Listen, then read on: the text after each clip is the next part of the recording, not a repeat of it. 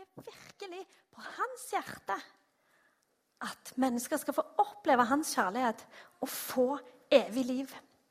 Og Noe av det siste som Jesus sa før han for opp til himmelen, det var at han ga oss dette oppdraget om å fortelle om han og gjøre disipler. Fra misjonsbefalingen, Matteus 28, står det Jeg har fått all makt i himmelen og på jorden. Gå derfor og gjør alle folkeslag til disipler. Og i Markus 16, 15 står det Gå ut i hele verden og forkynn evangeliet for alle mennesker. For Gud har et stort hjerte for de rundt oss, og han lengter etter hver og en som våre liv skal få lov til å vise mennesker hvem han er. Når vi har nå tent lys, skrevet lapper med navn på, så kan vi få lov til å vite at det er disse menneskene som vi har i tankene her i dag, hver og en av oss Disse menneskene har Gud et oppriktig stort hjerte for. Og han har plassert meg og deg i disse menneskene sine liv. Og hvis du tenker som meg, så er det på en måte en stor ære. Det er jo det. Samtidig det, kan det være enormt skummelt.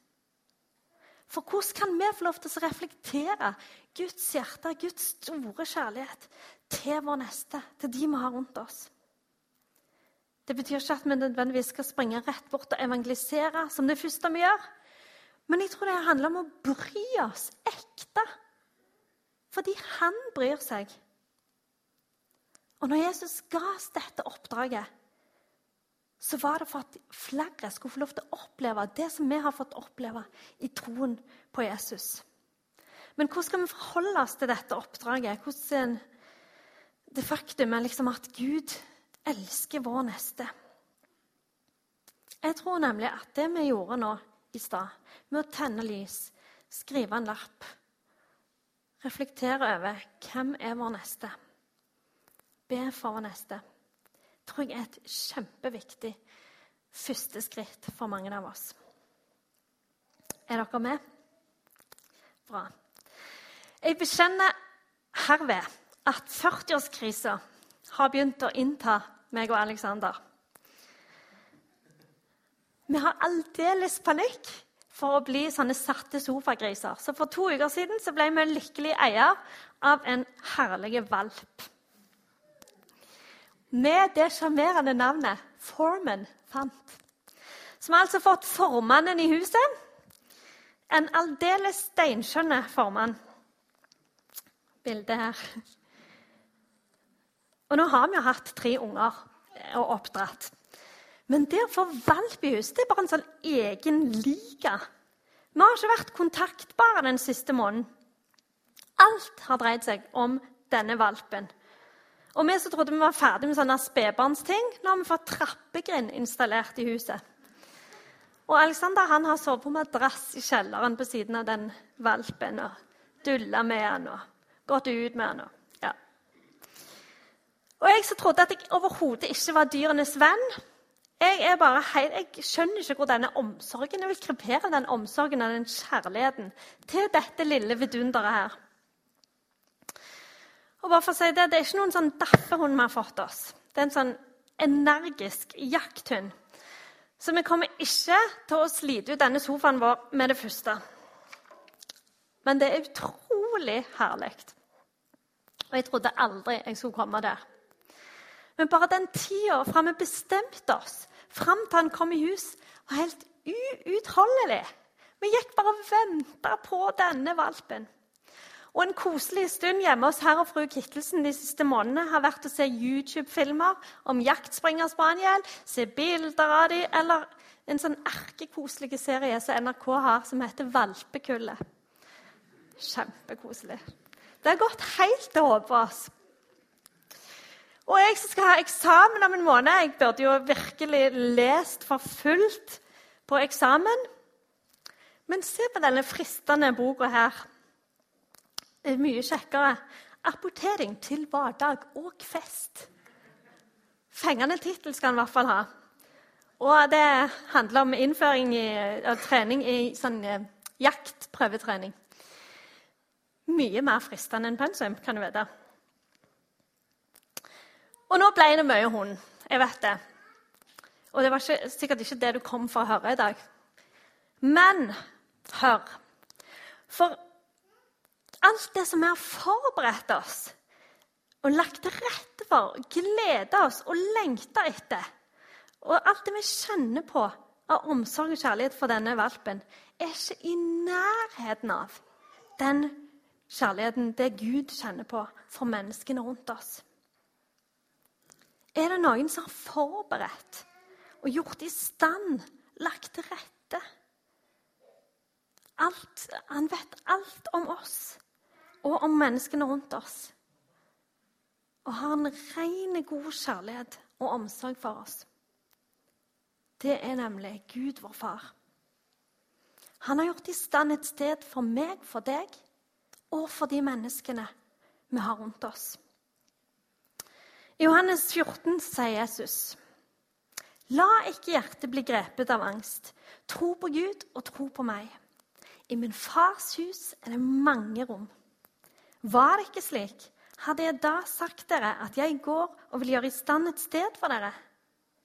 Og når jeg har gått og gjort i stand et sted for dere, vil jeg komme tilbake og ta dere til meg, så dere skal få være der jeg er. Det er et sted som er gjort i stand for meg og deg. Og det er et sted som er gjort i stand for naboen din, for kollegaen din, familien din, den du måtte ha i tankene i dag når du tente lyset eller skrev en lapp. Det er gjort i stand et sted for dette mennesket. Og det står tomt hvis ingen fyller det. For det er ingen andre som kan ta den plassen. Guds hjerte for min neste er enormt. Og I Lukas 15 så forteller Jesus tre lignelser. Sauen som ble funnet, sølvmynten som ble funnet, og sønnen som kom hjem, eller den, kjenner som den bortkomne sønnen, kanskje. Men noe av det som slo meg når jeg leste dette kapittelet, var det første verset i Lukas 15. Alle tollerne og synderne holdt seg nær Jesus for å høre ham. Hvordan er det med våre naboer og kollegaer og venner? Har vi en sånn tiltrekning på, på de med vår tro, med vårt budskap? Jeg tror vel kanskje at mange heller føler seg fordømt av oss. Men Jesus han var en magnet på disse. Folk holdt seg nær til han. Mens de skriftlærde og fariseerne murra og syntes dette var helt uhørt. Men det var da Jesus fortalte disse tre lignelsene.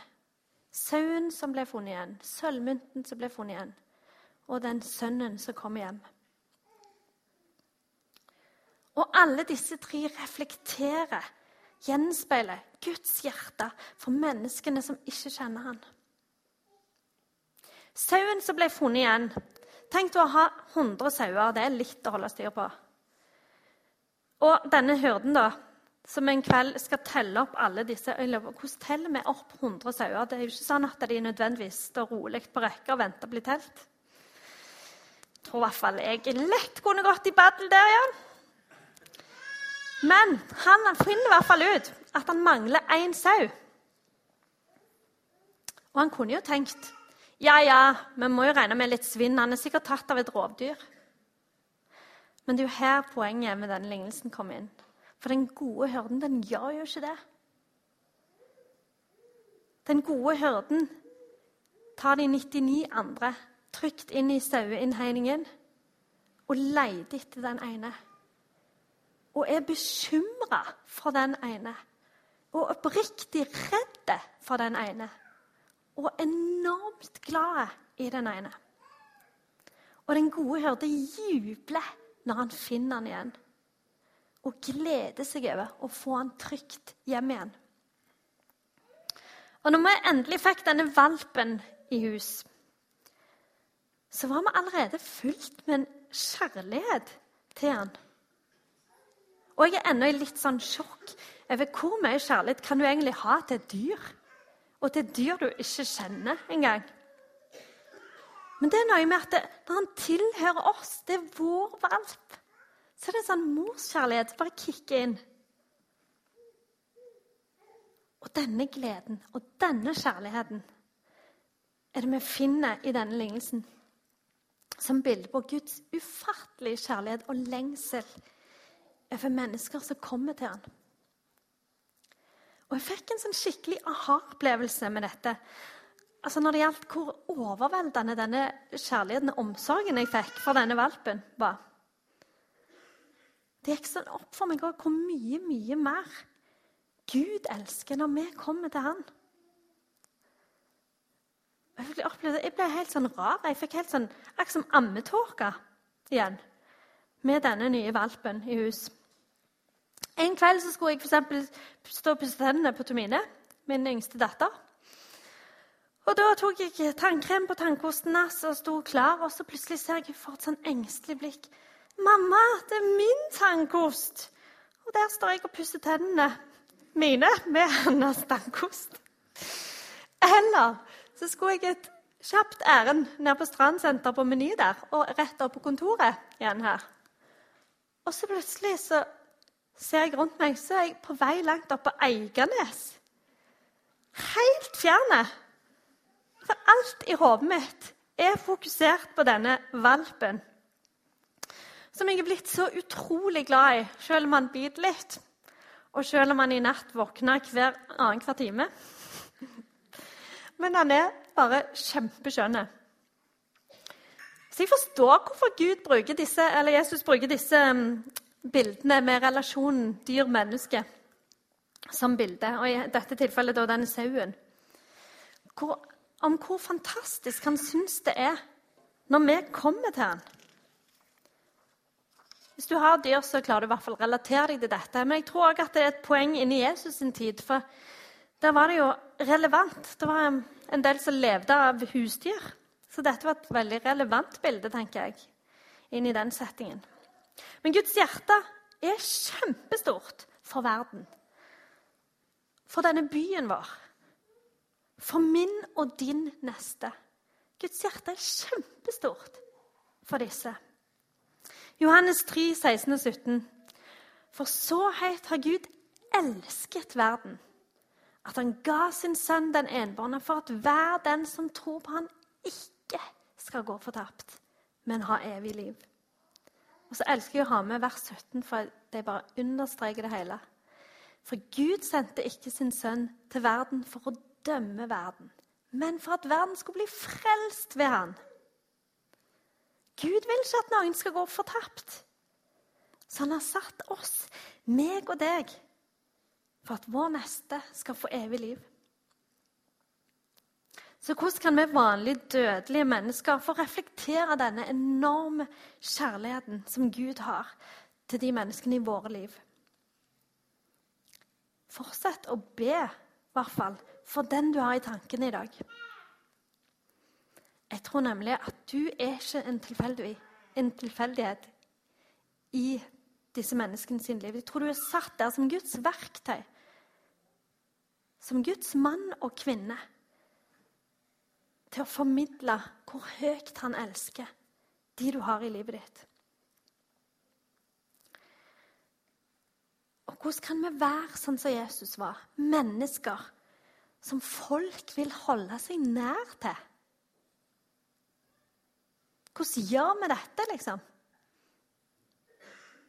Det er sikkert mange måter å gjøre det på. Men vi har i Misjonskirka noe vi kaller for tri, som egentlig du må snakke stavangersk for å få til. Men eh, tre, eller tre i, hvis du snakker østlandsk. Eh, og det, de tre i-ene Den første er invester. Invester i de menneskene du har rundt deg. Bli kjent med folk. Skap ekte og gode relasjoner. Og ikke tenk på mennesker som bare et sånn objekt som vi skal nå med evangeliet. For det vil mest sannsynlig ikke bli oppfatta som oppriktig og ekte. Men på samme måte som Jesus oppriktig brydde seg om folk og hadde ekte omsorg for folk, så kan vi få reflektere denne omsorgen gjennom å investere i menneskene rundt oss med et sånn ekte og oppriktig hjerte. Sånn kan vi få lov å gjøre, utgjøre en forskjell i menneskers liv. Så invester i dem, og gjennom det å be. Invester gjennom å be for dem, velsigne dem. Og bønn, bønn er jo et fantastisk redskap som vi har fått. I Jakob 5, 16 står det et rettferdig menneskes bønn er virksom og utretter mye. Det er et kjempeprivilegium, det vi har i bønn. altså. Det utretter mye. Virksomt og utretter mye. Den neste i-en er inviter. Inviter folk inn i livet ditt. Inn i familien din. Inn i vennekretsen din. Og når tida og anledningen er der, inviter mennesker til menigheten din. Og så den siste i-en, som jeg har lyst til å understreke litt, som er utrolig viktig. Og det er 'inkluder'. For hvis alle vi tar inn over oss Guds hjerte for vår neste, og investere og invitere de vi tenker på som vår neste, så tror jeg alle har lyst til at de skal bli inkludert når vi tar dem med. Så på samme måte som du ville ønske at den du hadde med deg, skulle bli inkludert, så kan du få lov å ha en sånn bevisst tanke at du er med å inkludere de som en annen har med. Og Sånn kan vi tenke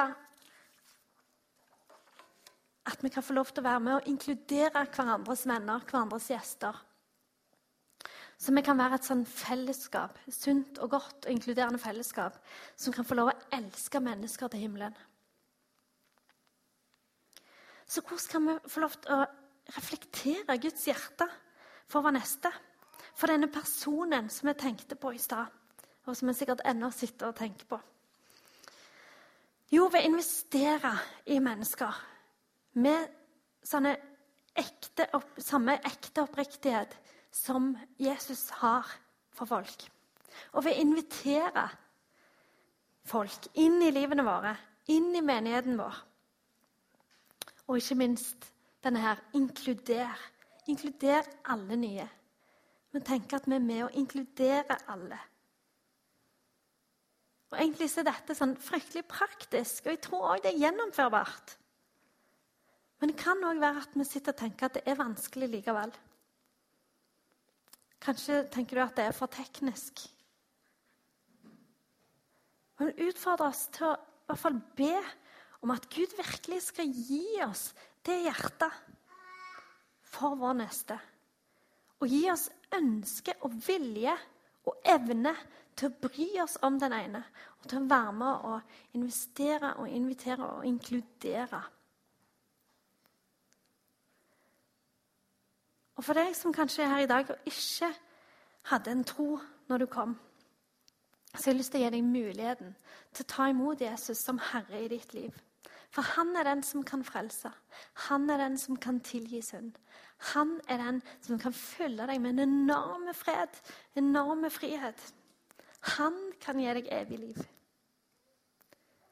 Og han har en utrolig fantastisk relasjon som han inviterer oss inn i.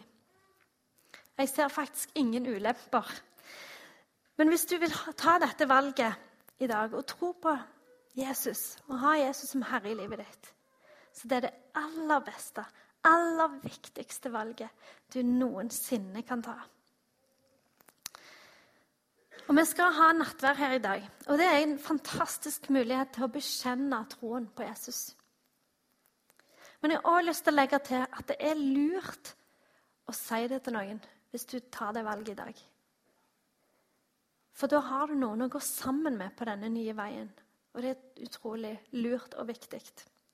I Romerne 10,9 står det For hvis du bekjenner med din munn at Jesus Kristus er Herre, og tror i ditt hjerte at Gud har oppreist han fra de døde, skal du bli frelst. Så ta gjerne kontakt med meg eller med Frode eller med noen av forbedrerne her i dag, eller den du kom sammen med, og fortell det hvis du ønsker å ta dette valget og tro på Jesus. Vi skal nå ta en liten stund og så be for de krukkene som eh, vi har skrevet lapper på. Be for disse menneskene som vi tenker er vår neste. Kanskje har du ikke ennå fått skrevet oppi, men du, Gud vet hvem du tenker på. Så vi skal be litt sammen nå. Himmelske Far, takk for at du elsker vår neste så utrolig mye mer enn vi klarer å fatte og forstå. Takk for at du ønsker ikke at noen skal gå fortapt. Men du har gjort i stand et sted for alle, Herre. Og Herre, du ser de menneskene som vi har i, i tankene i dag, Herre. Herre, jeg ber om at du virkelig skal velsigne dem, Herre. At du virkelig skal møte disse her. Og at du virkelig skal bruke oss som er i livene deres, Herre, til å reflektere din kjærlighet til dem. Til å reflektere din omsorg. til å vise dem hvem du er, Jesus. Hjelp oss til å være ekte og oppriktige. Hjelp oss til å eh, ha ønske og vilje om å engasjere oss i andre sin liv, Herre.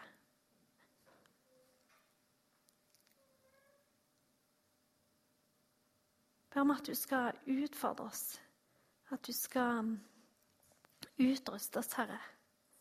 Sånn at vi kan få lov til å være en menighet som elsker mennesker til himmelen, Herre.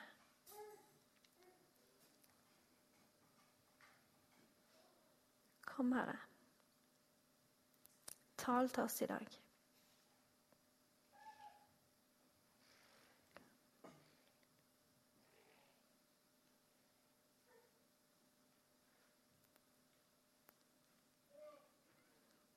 Ber i Jesu navn. Amen.